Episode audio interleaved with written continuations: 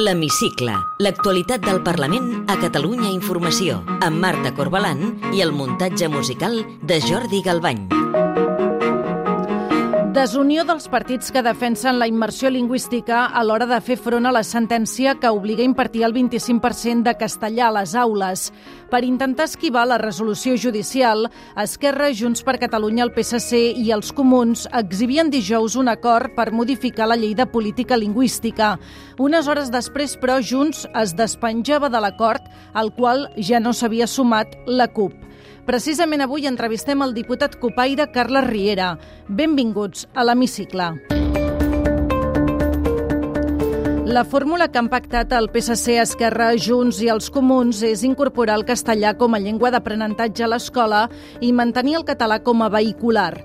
Un acord, però, que Junts per Catalunya ha deixat congelat tan sols unes hores després de rubricar-lo davant la lleu de crítiques que ha rebut tant externes com dins del partit.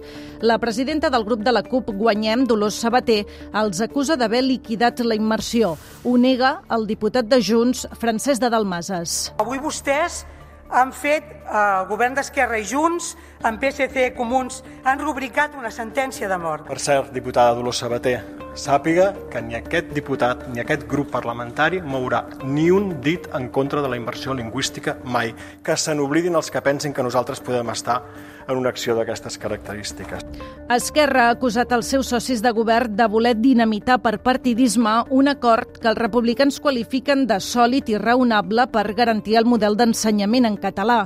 Raquel Sanz és diputada d'Esquerra. La llengua catalana es defensa amb els grans consensos, com va passar als anys 80 amb la immersió lingüística i ara doncs amb aquest altre gran consens, que és importantíssim, i més davant dels atacs de la dreta, davant dels atacs de la justícia. La CUP, que s'ha desmarcat de l'acord, ha presentat la seva pròpia proposta per blindar la immersió. Defensa una modificació de la Llei d'Educació de Catalunya per garantir que el català sigui l'única llengua vehicular. El conseller d'Educació, Josep González Cambrall, reclama consens. Nosaltres el que volem és màxim consens polític, màxim consens social i màxim consens pedagògic amb el català. Amb un tema com és la llengua, que és un model d'èxit i així s'ha demostrat les darreres dècades. Malgrat les crítiques de l'oposició a la gestió que està fent el conseller i les peticions de dimissió, el president de la Generalitat, Pere Aragonès, ha fet pinya amb ell. Sentim la diputada de la CUP, Nogai Nidiaye, Carlos Carrizosa de Ciutadans i la resposta del president. Està disposat a cessar el seu conseller d'Educació o continuarà posant-se de perfil? Casi le aconsejaría que busque, compare y si encuentra otro, me, otro conseller mejor, que seguro que es así, cámbielo. Ell ha assumit la responsabilitat. Per tant, no serà cessat. La desunió de l'independentisme també es va evidenciar dimecres. Junts i la CUP van plantar Esquerra en una fotografia a les escales del Parlament en defensa del català. El Parlament ha donat llum verda aquesta setmana al canvi legal per poder consultar els veïns de l'Alt Pirineu i l'Aran si volen que Catalunya presenti candidatura per acollir els Jocs Olímpics d'hivern del 2030. Esquerra i Junts, amb els vots decisius de la CUP, van tirar endavant la reforma legislativa. Es manté, però, el desacord tant dins com fora del govern sobre quines comarques podran votar-hi. Junts, la CUP i els comuns volen incloure-hi també el Berguedà, el Ripollès i el Solsonès. Sentim els diputats Jordi Fàbrega, de Junts, la Copaire, Dolors Sabater i la cap de files d'en Comú Podem, Jessica Albiach. Ens interessa la participació dels 39.000 habitants del Berguedà, dels 25.700 del Ripollès i dels 13.500 del Solsonès. Aquesta consulta sí o sí ha d'incloure, a més de, de les comarques del Pirineu i de l'Aran, les del Solsonès, Ripollès i Berguedà. No fer-ho és fer trampa. De moment el que estem veient és que una vegada més doncs, sobre aquest tema el que tenim és un cert desgavell. El president aragonès assegura que s'està buscant el consens però no aclareix si s'hi sumaran les tres comarques. Per consensuar s'han d'escoltar diferents opcions i discutir. En aquests moments el que estem fent i evidentment prendré una decisió com a president, que és aquí, aquí correspon si el decret llei avui a la tarda doncs es convalida sobre quin serà l'àmbit territorial de la consulta. La polèmica pels canvis que es van fer a la cúpula dels Mossos d'Esquadra ha tornat a florar al Parlament quan semblava que ja estava enterrada. El president Pere Aragonès ha comparegut aquesta setmana davant del ple per donar-ne explicacions. Ha qualificat d'immoral que l'oposició parli de purga. El que crec que no és de rebut és haver de sentir dir que amb els canvis s'han produït degradacions, purgues, que ens hem carregat el cos, fins i tot hi ha qui ha dit que els canvis són producte d'una revenja. El cap de l'oposició, el socialista Salvador Illa, no l'han convençut les explicacions d'Aragonès i insisteix que tot plegat ha estat una purga. Illa també ha criticat que la CUP dicti el model d'ordre públic. Acabi amb la política del fer veure. Nomeni consellera d'Interior la senyora Dolors Sabater. Anirem tots més a les clares. No és res contra el senyor Vena. Està lligat de mans, fent una política que no es creu i es nota. Té la paraula. Soc Carla Riera, diputat de la CUP, un nou cicle per guanyar i secretari tercer de la mesa del Parlament. La CUP ha registrat una proposició de llei al Parlament perquè el català sigui l'única llengua vehicular i no es discrimini cap centre per raó del seu projecte lingüístic. Plantegen, en definitiva, modificar l'article 14 de la Llei Catalana d'Educació per blindar la immersió. Com valora la proposta presentada pels socis del govern, el PSC i els comuns? Hem d'afirmar amb rotunditat que és un pacte contra la immersió lingüística és un pacte al que amb tota normalitat s'hi podria sumar Ciutadans. De fet, ens sobta que en aquests moments Ciutadans no s'estigui sumant a aquesta proposició de llei perquè és la seva. És la proposició de llei que consagra, eh, d'acord amb la legalitat catalana, que efectivament el català eh, sigui llengua vehicular, però també el castellà.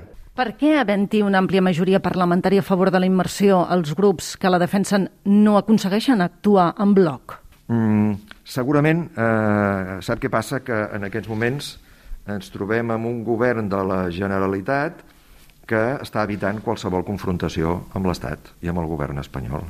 Parlem, si li sembla, ara dels Jocs Olímpics d'hivern. La CUP ha facilitat aquesta setmana que s'aprovi al Parlament un canvi legal que permetrà al president de la Generalitat poder convocar una consulta només en una part del territori. Una modificació pensada bàsicament per poder consultar els veïns de l'Alt Pirineu i l'Aran si volen els Jocs el 2030. Vostès, però, demanen des de la CUP que també s'incloguin a la consulta les comarques del Berguedà, el Solsonès i el Ripollès. Tenen el compromís del govern que s'inclouran aquestes comarques o almenys alguns municipis d'aquestes comarques? En aquests moments encara no. Però per nosaltres la major és que nosaltres eh, no estem d'acord amb aquests eh, Jocs Olímpics. Miri, en plena eh, crisi climàtica, en un país mediterrani, plantejar-se uns Jocs Olímpics d'hivern, en fi, és una barbaritat, eh? quan hi han eh, altres projectes de desenvolupament eh, sostenible, equilibrat, socialment just del Pirineu que estan sobre la taula i que el govern no vol escoltar ni tenir en compte. Per què? Perquè aquí el govern, que abans dèiem que es plega contínuament els atacs de l'Estat, també és un govern que veiem que es plega contínuament als grans interessos de sempre, els grans interessos immobiliaris, especulatius, de l'IBEX. Per una altra banda, també considerem que la població del territori ha de ser tinguda en compte. Per tant, eh, nosaltres volem que es faci una, una consulta i és per això eh, que hem donat tràmit eh, aquest decret que eh, aporta la modificació legislativa necessària perquè efectivament aquesta consulta es pugui fer. Ara bé, nosaltres li exigim al govern que aquesta consulta compti amb tots aquells territoris que se senten part directament implicada. Per tant, no només el Pirineu com a tal, sinó també el Berguedà, el Ripollès i el Solsonès, evidentment. Li vull preguntar ara per la situació judicial de la presidenta del Parlament. Laura Borràs està a un pas de judici per la seva gestió al capdavant de la institució de les lletres catalanes. El jutge hi veu d'entrada indicis dels delictes de prevaricació, malversació de diners públics, frau administratiu i falsedat documental. Per a la CUP això és presumpta corrupció? Miri, nosaltres eh, encara no hem pres una posició davant d'aquest afer i eh, estem esperant dues coses. Una, eh, que arribi, si és que ha d'arribar, eh, la interlocutòria eh, judicial anunciant eh, l'obertura del judici oral i, d'altra banda, també el que hem de fer és esperar a que la presidenta rebi aquesta eh, interlocutòria i aleshores escoltar-la amb ella, a veure què és el que ella diu no? i quina és la seva posició davant d'aquesta eh, interlocutòria. A partir d'aquests dos fets, d'escoltar-la amb ella, que és el que ella diu, no? i d'analitzar els termes de, eh, el plantejament de l'inici del judici oral, eh, nosaltres posarem en marxa dintre del nostre espai polític, dintre del nostre moviment, els procediments de debat i de presa de decisió perquè sigui la nostra militància qui prengui la decisió davant d'un fet que, òbviament, és molt transcendent. Per què? Perquè nosaltres sempre eh, partim del mateix marc. 1. Oposició total i absoluta davant de qualsevol forma de repressió política en general i de persecució política contra l'independentisme en particular. Aquí tenim una posició ferma i inamovible de rebuig d'aquesta repressió, d'aquesta persecució política de l'independentisme i, per tant, de solidaritat amb eh, totes les persones eh, que la pateixen. I, per una altra banda, també tenim una eh, posició molt sòlida i molt clara de lluita contra la corrupció, contra qualsevol forma d'infracció o de mala praxi en la utilització de recursos públics. Sempre ens movem en aquest eh, doble plantejament i d'aquí ni sortim eh, ni sortirem. Un altre dels temes polèmics d'aquests últims mesos aquí al Parlament són les anomenades llicències per edat o el que més popularment es coneix com a prejubilacions daurades dels treballadors del Parlament. La Cambra Catalana ha acordat no donar-ne més, però ara s'ha de resoldre què passa amb els treballadors que ja estan gaudint d'aquestes llicències o que ja la tenen concedida. Vostè que forma part de la mesa, quin és el posicionament de l'òrgan rector de la Cambra?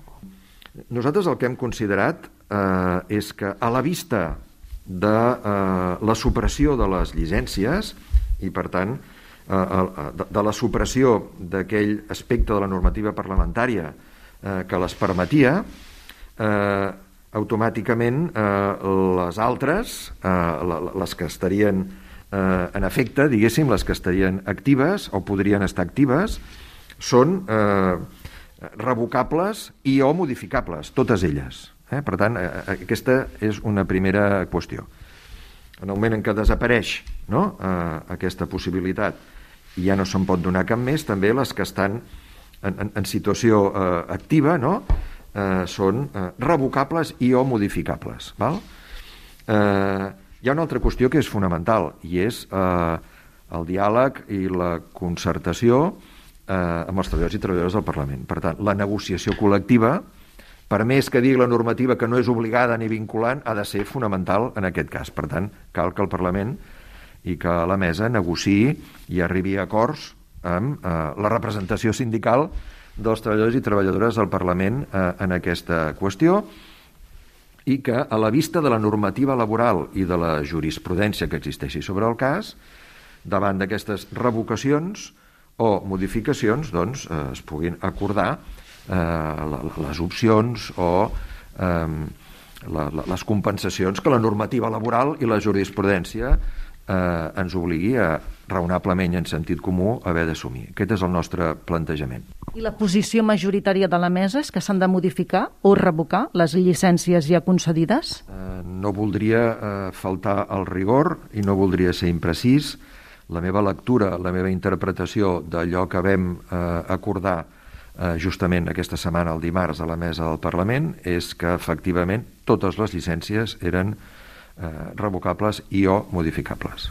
Si li sembla bé, ens endinsem ara ja en el terreny més personal i li demano si pot contestar amb respostes ara tan breus com sigui possible. Per què va decidir entrar en política? Jo crec que hi vaig entrar als 17 anys i en el seu moment eh, el desllorigador va ser la necessitat de lluitar contra la injustícia social. Aquest va ser el motivador i el deslliurador inicial. Amb quin diputat o diputada que no sigui del seu grup compartiria una sobretaula distesa? En aquests moments, amb cap. Té algun llibre sobre la tauleta de nit?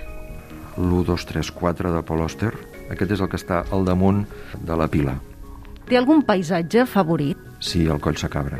I ja per acabar, completi la frase següent. El que més m'agradaria del món és assolir una situació de pau. Em sembla que és molt important en els moments en què estem, però sens dubte basada en la justícia, no una pau basada en la injustícia. Carles Riera, diputat de la CUP, un nou cicle per guanyar. Gràcies per atendre'ns a l'hemicicle de Catalunya Informació. Moltes gràcies a vosaltres. Podeu tornar a escoltar l'hemicicle al web catradio.cat barra hemicicle o al podcast del programa i seguir l'actualitat del Parlament al perfil de Twitter arroba L-hemicicle.